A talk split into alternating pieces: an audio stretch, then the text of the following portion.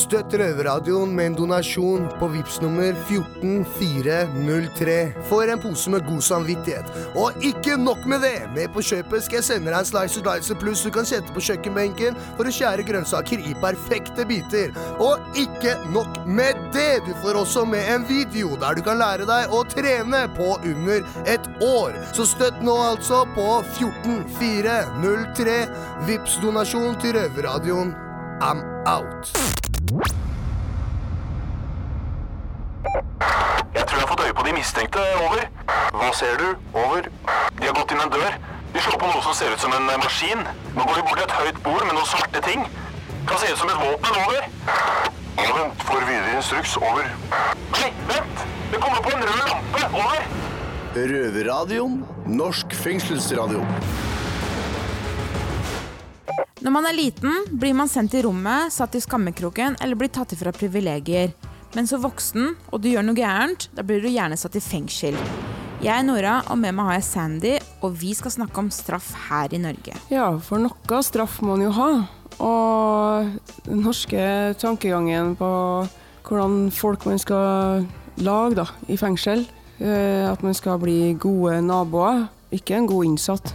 Eh, Det er vel ikke så lett å bli det heller, hvis du f.eks. sitter 23 timer isolert. Og det er jo ofte sånn at når man har sittet i fengsel, så kommer man gjerne tilbake også. Og da er det noe som ikke funker i det norske systemet, mener jeg, da. Jeg og du, Sandy, har tatt på oss lab labfrakkene på, vernebriller med lupe på, gjerne Ray-Bans, og vi har undersøkt om hvorfor det ikke funker. Ja, gutta på Botsen eh, skal ta seg en prat med sosiolog Stula Falk, og han er ikke så fornøyd med hvordan rehabiliteringa i norske fengsel er. Det er ikke bare selve fengselet som kan ødelegge for rehabiliteringen. Mange innsatte stiller også mye svakere enn mannen i gata. Men hva forskjellen er, får du vite senere i sendinga. Men før det skjer, så tar vi oss en tur til Ville Vesten. Will Smith med Wow Wow West. Røverradioen. Live på direkten fra Bredtvet kvinnefengsel. Jeg heter Miss Guinevere og har med meg Heidi og Helga. Og vi skal snakke om noe som berører oss alle tre, nemlig straff. Straff kan komme i mange former. Men veldig mange av de straffedømte i Norge havner bak murene. Men er egentlig alltid det det beste, jenter? Helga? Uh, jeg uh, syns ikke det. Det fins noen andre former for å bidra at mennesker kan eh, bli bedre borger i samfunnet. Med tanke på rehabilitering så tenker jeg det at det vil være mange andre typer substitutter som kan fungere bedre. Men selvfølgelig for de mest alvorlige så er vel fengsel det eneste alternativet. Jenter, for at vi skal lære litt mer om straff, så har jeg Miss Ginbig, funnet tre påstander om straffemetodene i Norge. Og nå så vil jeg at dere skal avgjøre om det er fleip eller fakta. Er dere klare? Ok. kjør på. En forsker fulgte en gruppe unge med store atferdsproblemer gjennom en periode på 15 år. Noen fikk fengselsstraff, andre ikke. Som 30-åringer levde over halvparten av dem under tilfredsstillende forhold. De som hadde greid seg best, var de som ikke hadde fått fengselsstraff, men andre former for oppfølging. Fleip eller fakta? Fakta. Fakta. Hvorfor? Fordi at unge mennesker som havner innenfor murene, de går jo på en måte en kriminell skole, og dermed, når du er ung og har begått en forbrytelse, så vil jeg tro på at eh, en annen type substitutt, som f.eks. samfunnsstraff, vil kunne fungere bedre. Jenter, dere har helt rett, det er fakta. Da kjører vi over på neste. De fleste dommene i Norge er korte. Ønsket er at flere skal få sone i fengsler med høyere sikkerhetsnivå. Fleip eller fakta? Feil, feil, feil. Feil. Jeg tror, jeg tror feil. Kan du begrunne det, Helga? Eh, fordi eh, Norge utgir seg til å være et demokratisk land, og de hovedsakelig målsetningsmessig er opptatt av at folk skal rehabiliteres fortere til å leve i samfunnet. Heidi? Flere blir overført til lavere sikkerhetsnivå og samfunnsstraff. Og det tror jeg fungerer bra. Vi får bort soningskøen, ikke minst. Jenter, det er helt riktig. Det er fleip. Ok, siste påstand er hvis frihetsberøvelse ikke er nødvendig for å beskytte samfunnet, kan andre straffereformer gi bedre resultater? Fleip eller fakta? Det kan gi bedre resultater. Jeg er, Fakta. det er fakta. Jeg tror også at det er fakta. Det er helt riktig, jenter. I og med, dere, Wow! med at dere stiller likt nå, og og ja. dere begge er vinnere, så har dere akkurat vunnet enda mer kunnskap. Juhu! Oh. Hvor smart vi blir. Nei, ja. Det kan virke som at fengsel ikke alltid er den beste løsninga for straff. Og det er noe vi skal snakke mye mer om videre i sendinga. Uansett så tror jeg vi alle er enig i at straffen skal stå i forhold til forbrytelsen. Her får du Ramones med 'Punishment Fits The Crime'. Røverradioen. Vi skal sette over til gutta i Oslo fengsel som har prata med en skikkelig tallnerd. Om det skal være noen sjanse for å få ned kriminaliteten her til lands, så må vi jo først finne ut av hva slags folk det er som sitter inne. Og det har vi i Røverradioen tenkt å finne ut av i dag. Jeg er Oskar, og med oss i studio da så har vi en fyr som er veldig flink til å telle tall. Og det er du, rådgiver Mathias Kilgren Revold fra Statistisk sentralbyrå. Hei. I 2014 så undersøkte dere i SSB innsattes levekår før, under og etter soning. Hvorfor er det så viktig å avdekke innsattes levekår? Hvis vi skal gjøre noen tiltak eh, mot innsatte i Norge, må vi først finne ut hvem de er, eh, hvilken bakgrunn de har før de kommer inn i fengselet.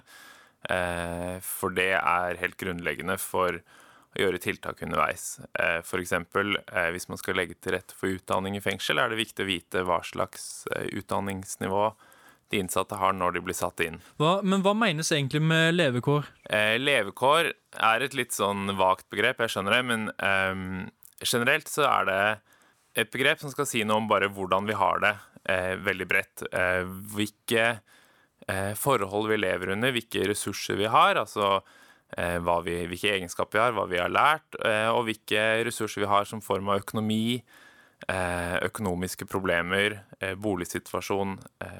Ja, veldig bredt hvordan vi lever livene våre, egentlig. Ok, Og hvordan står det egentlig til med oss innsatte? Sammenlignet med befolkningen generelt, så er eh, levekårene til innsatte ganske mye dårligere. Selvfølgelig i fengsel, det er egentlig ikke først og fremst det vi har sett på her, eh, men først også før de ble satt inn.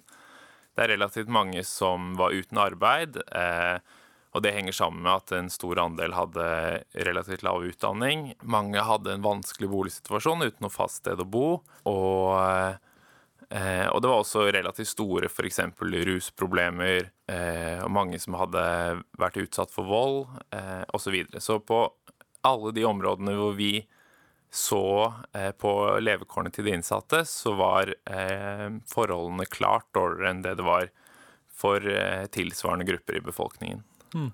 Eh, det med utdanning det skal vi litt tilbake til etterpå. Men eh, hva, hva syns du var det mest oppsiktsvekkende dere fant eh, i løpet av denne undersøkelsen? Det som kommer veldig tydelig frem, er hvor store disse forskjellene er. Ehm, det er kanskje å forvente at I forhold til resten av befolkningen? Ja, i forhold til resten av befolkningen. Samtidig så er det gjort litt tilsvarende undersøkelser tidligere.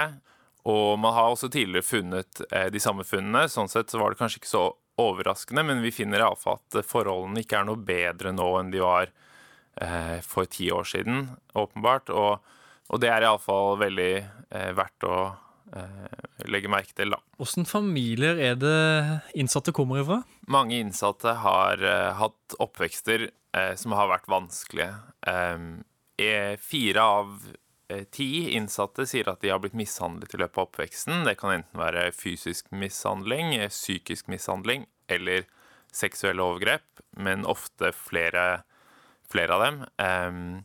Og nesten like mange har vokst opp i hjem hvor det har vært enten narkotikaproblemer eller, eller alkoholproblemer. Så det er klart det legger grunnlaget for hvordan livene deres senere har blitt. Da skal vi ta en liten pause, og vi er straks eh, tilbake. Og da skal vi lære mer om eh, Norges innsatte og deres problemer. Nå kommer Issues med Julia Michaels. I'm jealous. I'm overzealous. Røverpodkast.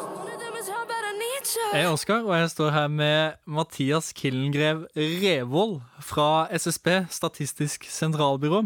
Og vi har jo hørt litt om kriminelles levekår, men nå skal vi se litt på forskjellen mellom eh, de kriminelle og resten av befolkninga. Og oppsummert, eh, hva kan man si er den største forskjellen? Nei, Vi ser forskjeller på veldig mange områder. Um, men eh, En ting som er en veldig tydelig forskjell, er dette som går på utdanning. To tredjedeler av innsatte har ingen utdanning utover ungdomsskolen, Um, og det fører nok igjen til en rekke andre problemer på en rekke andre områder. Vi vet i dag at det er så stor del av arbeidslivet, f.eks., hvor de man gjerne vil ha folk med utdanning, iallfall f.eks. en videregående utdanning, en, et fagbrev osv., teller veldig mye for å få en jobb. Og det er så mange innsatte som ikke har det, og det fører nok igjen til at det er mange som ikke kommer seg i arbeid, som igjen fører til at det er vanskelig å få eh, fast bolig. Mange får økonomiske problemer, må ta opp gjeld, som man igjen sliter med, og fører til at eh, de økonomiske problemene blir enda større. Men så, altså, så over 60% av innsatte har kun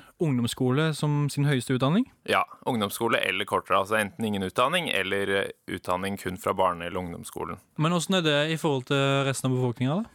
Ja, Norge er et land med veldig høy, eh, høyt utdanningsnivå. Eh, ellers i befolkningen så er det om bare én av fire som ikke har eh, utdanning utover ungdomsskolen. Det er ikke bare vi som skal stille spørsmål i dag. Det er jo noen nysgjerrige kvinnfolk eh, borte i kvinnefengselet i Bredtvet. Og eh, nå kommer det et spørsmål fra de.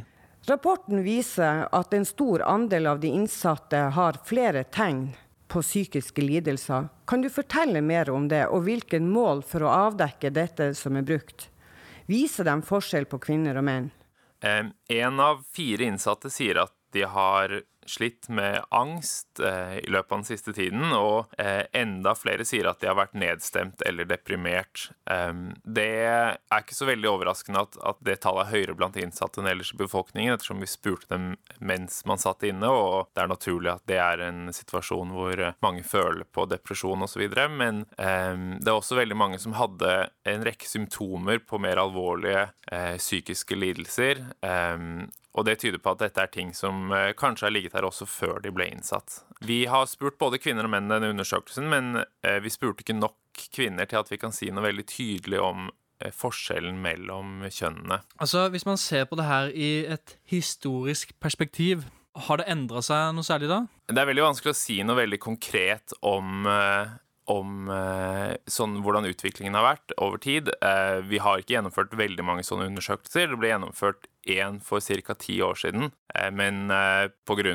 noen eh, at vi gjorde ting litt annerledes nå, så er det veldig vanskelig å si akkurat hvordan den utviklingen har vært. Men vi har veldig mye det samme bildet. De fant da at innsatte hadde lavere levekål på en, på en rekke områder, og det er det bildet vi finner i dag òg. Så overordnet så ser det ut som at situasjonen er ganske lik nå som den var for ti år siden ca. Jeg kan bare spørre et kjapt spørsmål, for jeg vet at 81% av av alle innsatte sliter med gjeld, altså åtte av ti. Er det, er det mye i forhold til resten av befolkninga, eller? Ja, det er mye, men enda viktigere at det er mange som sliter med gjeld, er det hva slags gjeld eh, man har. Eh, I Norge så er det veldig mange som har gjeld, eh, f.eks. For fordi det er så mange som eier sin egen bolig i dag. I Norge så er det veldig mange som sitter med boliggjeld. Mens blant de innsatte så er det ikke først og fremst f.eks. boliggjeld, gjeld fra utdanning som Hva er den vanligste gjelda blant innsatte, da? Nei, det er iallfall veldig mange som har eh, typ forbrukslånsgjeld, eh, men også enten gjeld til eh, pga. Uh, ubetalte bøter osv. Og, så videre, og i tillegg uh, gjeld til andre privatpersoner, som jo kan være narkogjeld, andre lån fra, fra, privatpersoner. Og det er jo gjeld som er veldig vanskelig å slippe unna. Det er ikke gjeld som forsvinner fordi man havner i fengsel, og så kommer man ut igjen, så starter man på en ny frisk. Uh, og det er heller ikke sånn som boliggjeld, at du kan nødvendigvis pantsette eller selge boligen din, så kan du betale med den. Hvis du har en narkogjeld, så har du sannsynligvis brukt opp den narkotikaen for lenge siden, og du må slite med gjelden når du kommer ut ut, og som gjør det vanskelig å starte opp igjen.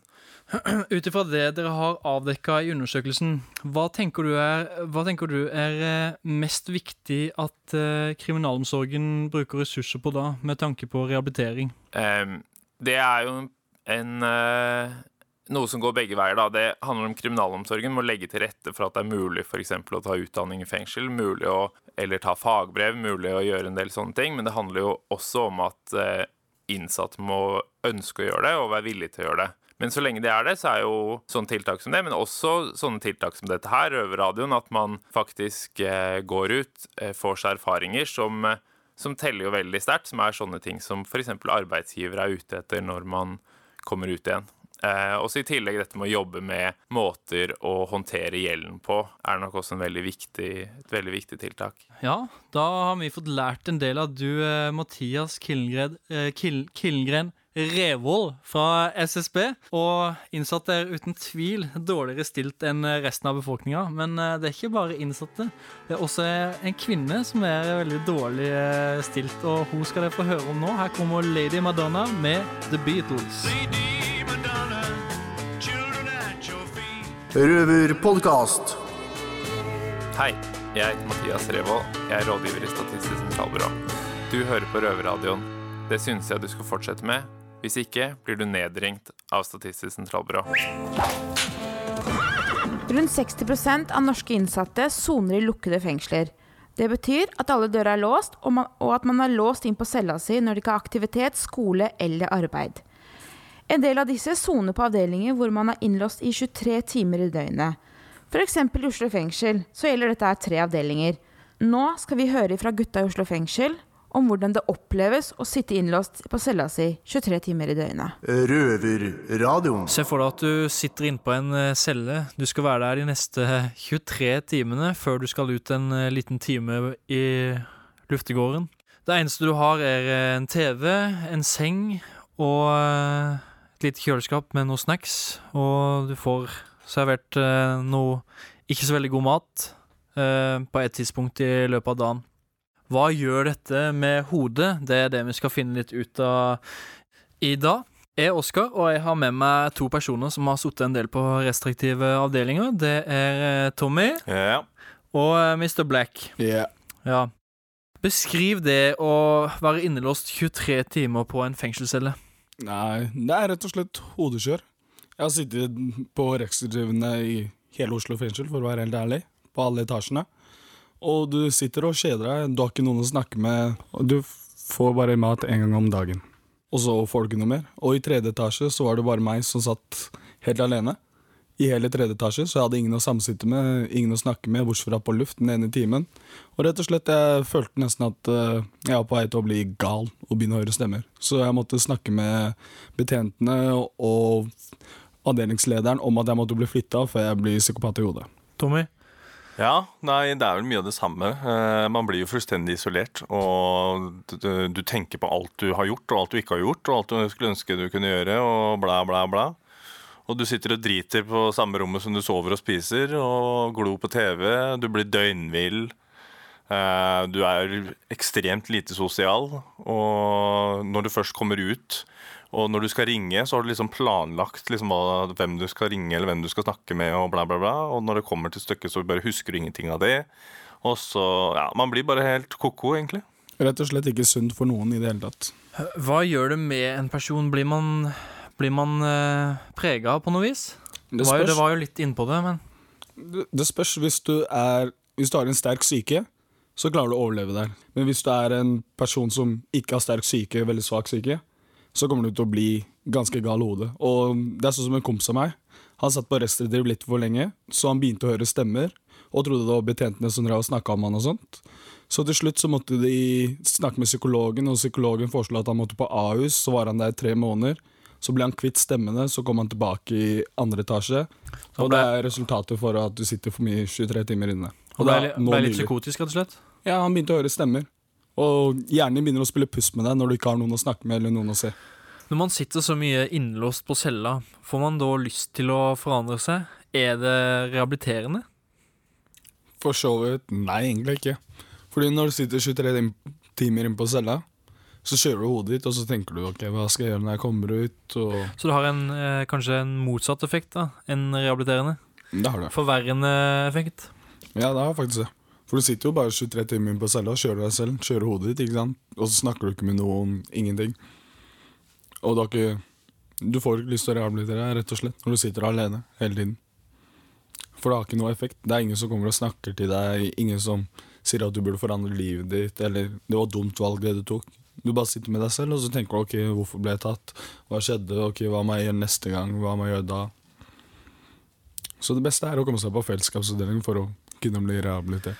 Da eh, må vi nesten avslutte, men én ting eh, som er sikkert, det er det at det ikke er helt sikkert at uh, 23 timer på en fengselscelle er eh, den beste løsninga for noen. Røverpodkast. Vi snakker om straff her i Røverradioen.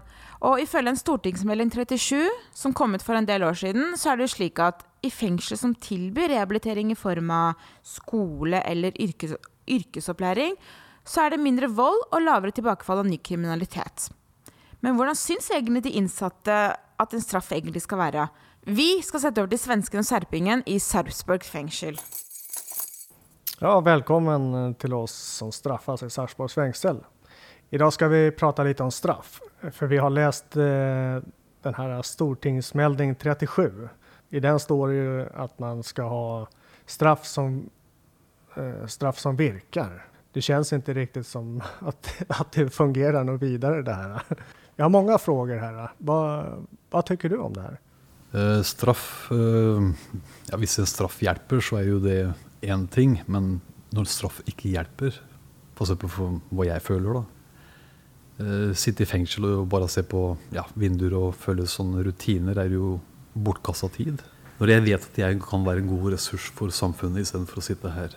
Altså pelle søppel, hva som helst, enn å sitte her og bortkaste tiden og bortkaste så mye ressurser og penger fra staten og skattebetalerne. F.eks. kriminalomsorgen kunne jo fått bedre ressurser um, til å liksom Ja, f.eks. det med samfunnsstraff eller andre Det fins så mange gamle, utprøvde systemer som kan moderniseres, rett og slett. Ja, Da er det bedre å ha fotlenke og være ute og jobbe og uh, gjøre nytte, enn å bare sitte her og være en kostnad for samfunnet. Kriminologene som forsker i og ser og deres jobb och det hela deras, vad de sysslar med, det är att se vad som fungerar och inte. inte de, de tycker ju inte att eh, straff fungerar. Det är ju på tiden att vi, att vi ändrar inställning till eh, att eh, för att få samfundet att fungera. Ska vi ha ett samfund som i utgångspunkten har ett straffsystem. Det är bättre att ha ett samhälle som, där man hjälper folk istället. Som utgångspunkt. Ja, det er, det er altså det er, det er ikke mange folk som vet at det å sitte inne, det kan jo skje hvem som helst. Ja, det kan hende precis hvem som helst. Når som helst, hvem som helst. Det kör du bil og råkar kjøre på noen, så kan du havne i fengsel. Eh, det behøver ikke ens være ditt fel, men du blir straffad for en handling som har hendt som ikke du har kunnet kontrollera. Ja, for hver eneste person har jo den kapasiteten til å være en ressurs for samfunnet enn å sitte inne. For altså sitte inne og bli, ja, bruke opp tiden. Ja, vi kan uh, gå og plocka sopper. vi kan jobbe i eldreomsorgen. vi kan uh, gjøre hva som helst, bare vi får gjøre nytte i istället. Takk til svenskene og serpingen. Og siden det var litt sånn seriøse saker å snakke om, så syns jeg vi skal eh, lette litt på trykket med å høre på de 90-tallsgærningene Blur med Song 2. Røverpodkast. Hei, dette er Jonas Gahr Støre. Jeg er leder i Arbeiderpartiet, og nå hører du på Røverradioen. Det syns jeg er en veldig god idé, og hvis du ikke fortsetter med det, så har jeg en trussel til deg, og det er at du må komme på Stortinget, og så må du steppe inn for meg i neste debatt eh, i, hva skal vi si, landbruksdebatten, og holde et innlegg på ti minutter. Og så skal vi evaluere det sammen etterpå.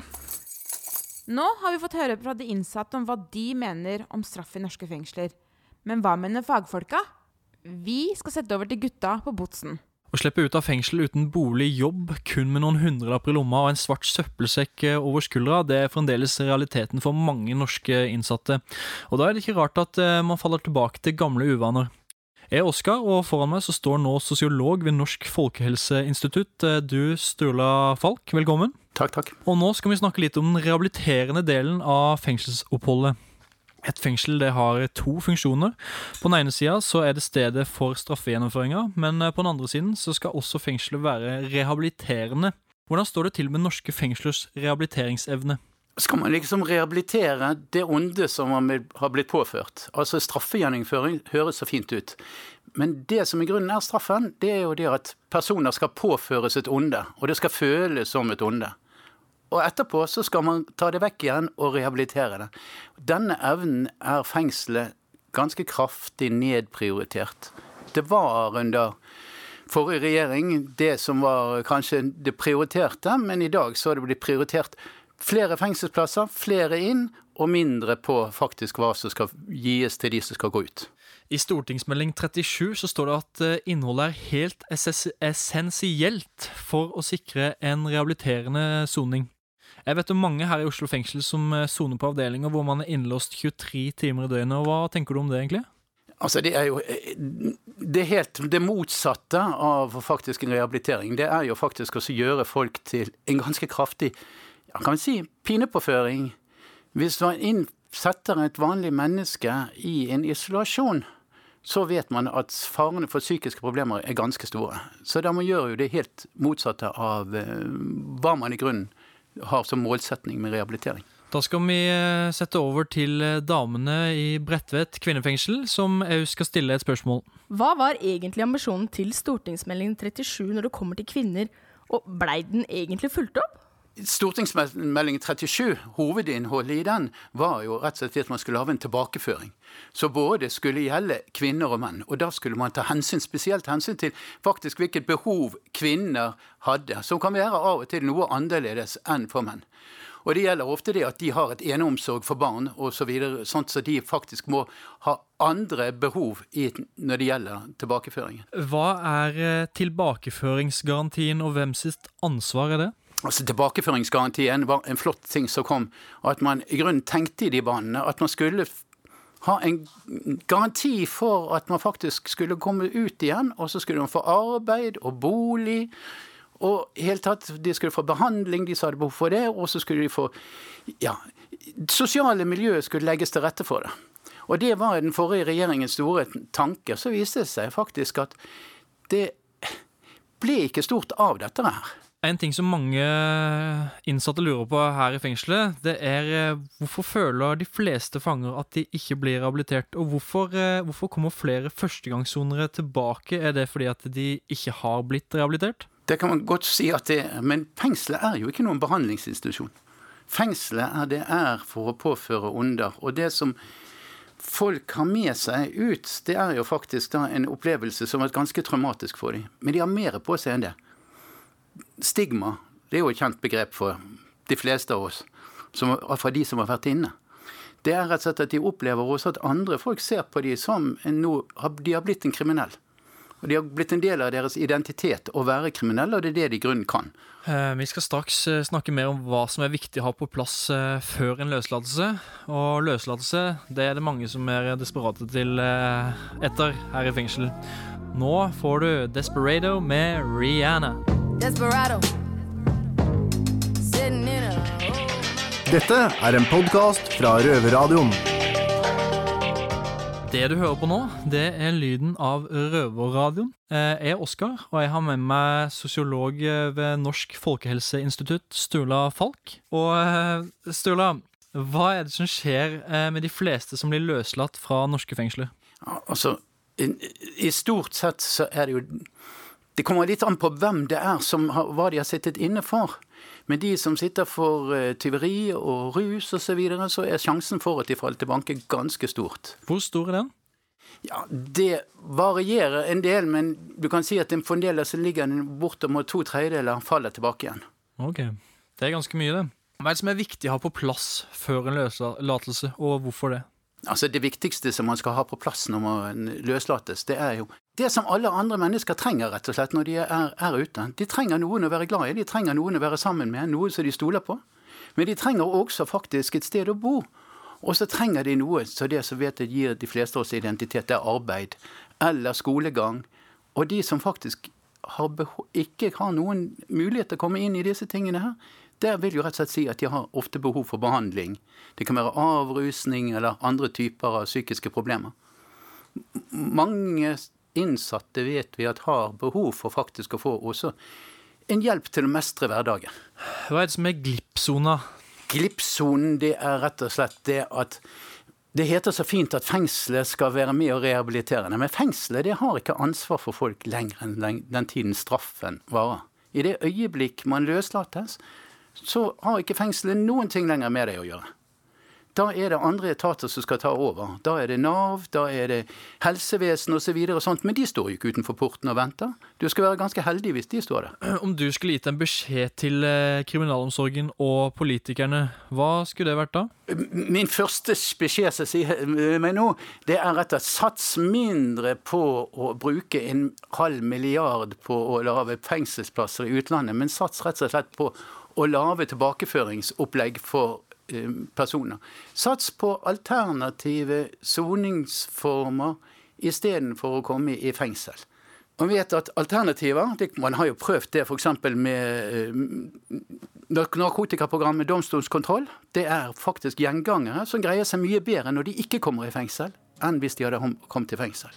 Eh, Broen fra fengsel til løslatelse er altså altfor dårlig, skal man tro sosiolog Stula Falk. Det får være siste ord i denne saken. Nå fra en bro til en annen. Her er eh, Leon Bridges og Rivers. Takk for at du kom, forsker Stula Falk. Been.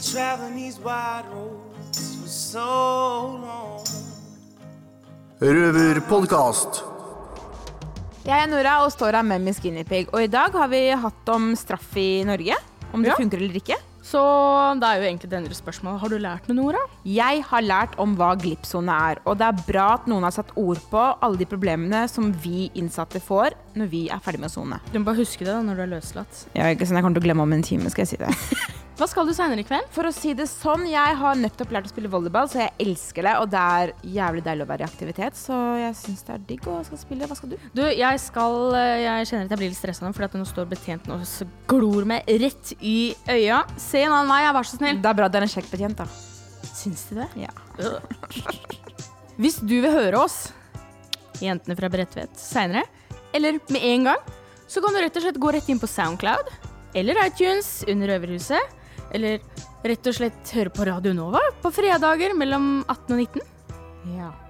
Sang må vi også ha med med Skinny. Eh, Jeg syns ja. gruppa Chain jeg gruppa Chainsmokers har kommet med dritbra sanger, og jeg har lyst til å høre på den her, og det er eh, Just Like That med okay. Chainsmokers. Da skal du få den. Da må du bare line opp til volleyballen nå. Jeg er ferdig, kom. Vi stikker. OK, ha det bra! Hei da! I've been reading books of old, the legends and the myths, Achilles and his gold. Du har akkurat hørt en podkast fra Røverradioen. Du hører oss hver fredag klokken 18.00 på Radio Nova og alltid på røverhuset.no.